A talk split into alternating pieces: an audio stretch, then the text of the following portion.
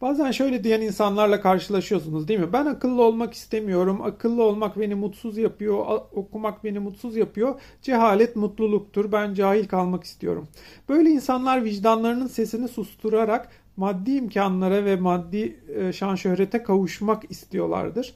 Ancak bu kavuştukları maddi imkanlar ve şöhret onları yine mutlu etmeyecek ve sadece aptallaştıracak, ruhlarını köreltecektir.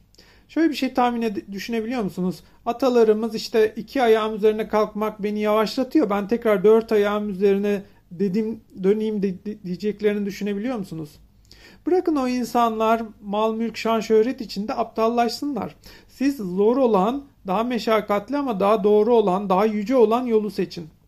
Çünkü bu yolun sonunda yine korkmayın ki maddiyata da maddi karşılığını da bu yolun göreceksiniz. Çünkü maddiyat ruhun gücü karşısında boyun eğmek zorundadır.